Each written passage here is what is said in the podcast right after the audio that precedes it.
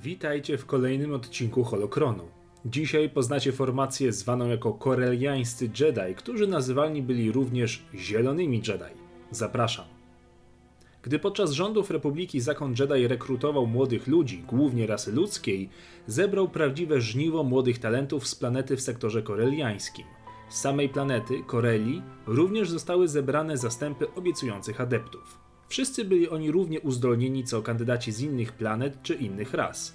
Jednak niedługo potem nastąpiła niewielka schizma. Koreliańscy padawani oraz rycerze postanowili odłączyć się od zakonu i wrócić do swojego ojczystego sektora. Stworzyli tam swój oddzielny zakon, czy też odłam, niezależny od decyzji Wysokiej Rady Jedi na Korsent. Ich celem było przede wszystkim zabezpieczenie ojczystego świata i okolic sektora. Swoją niedostępną i uzbrojoną po zęby enklawę utworzyli w Coronet City – Jednokrotnie ich zdanie mocno różniło się od decyzji podejmowanych przez Radę. Ich misje jednak dotyczyły tylko i wyłącznie ich rodzimego sektora.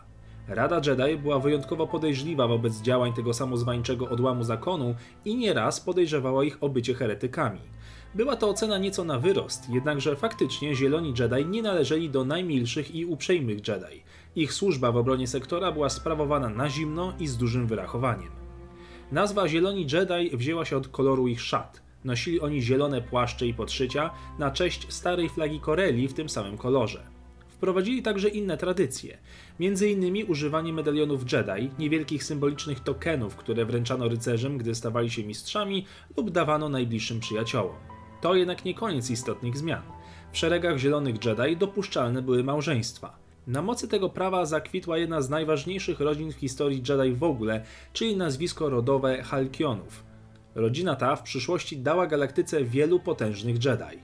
W czasie, gdy między największymi siłami galaktyki nastała tzw. Tak zimna wojna, czyli okres 11 lat napięć militarnych między Imperium Sithów a Republiką Galaktyczną w okolicach roku 3653 przed bitwą o Yavin, koreliańscy Jedi zebrali się w całości na Koreli, w głównej enklawie i zaczęli się zbroić i przygotowywać na atak wroga. Reszta głównego zakonu Jedi odleciała na Titan, by się przegrupować. Zieloni Jedi pozostali sami na pierwszej linii frontu.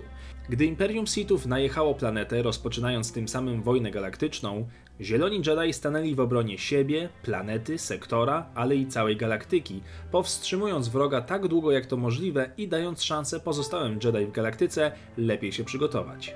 Mistrz Arfan Ramos zaciekle odpierał ataki, jednakże Imperium w końcu wygrało. Tym samym ugrupowanie Zielonych Jedi przestało istnieć.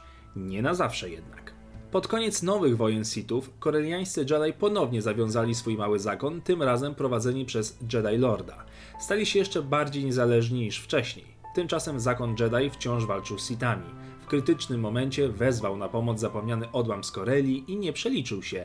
Zieloni Jedi przybyli z odsieczą, dołączając do legendarnej Armii Światła, która stoczyła niezapomnianą kampanię militarną na planecie Rusan. Mimo ogromnej odwagi i wielkich zasług, Wysoka Rada Jedi nie uznała Zielonych Jedi bohaterami bitwy, w zamian spotkali się z kolejnymi atakami jako rzekomi heretycy.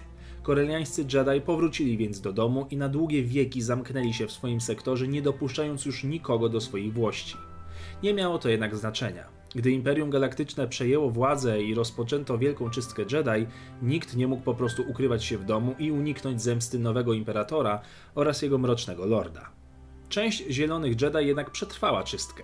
Członkowie rodziny Halkionów ledwie uszli z życiem, a ich ostatni na tamten czas potomek miał dać nowe życie zarówno całemu rodowi, jak i organizacji.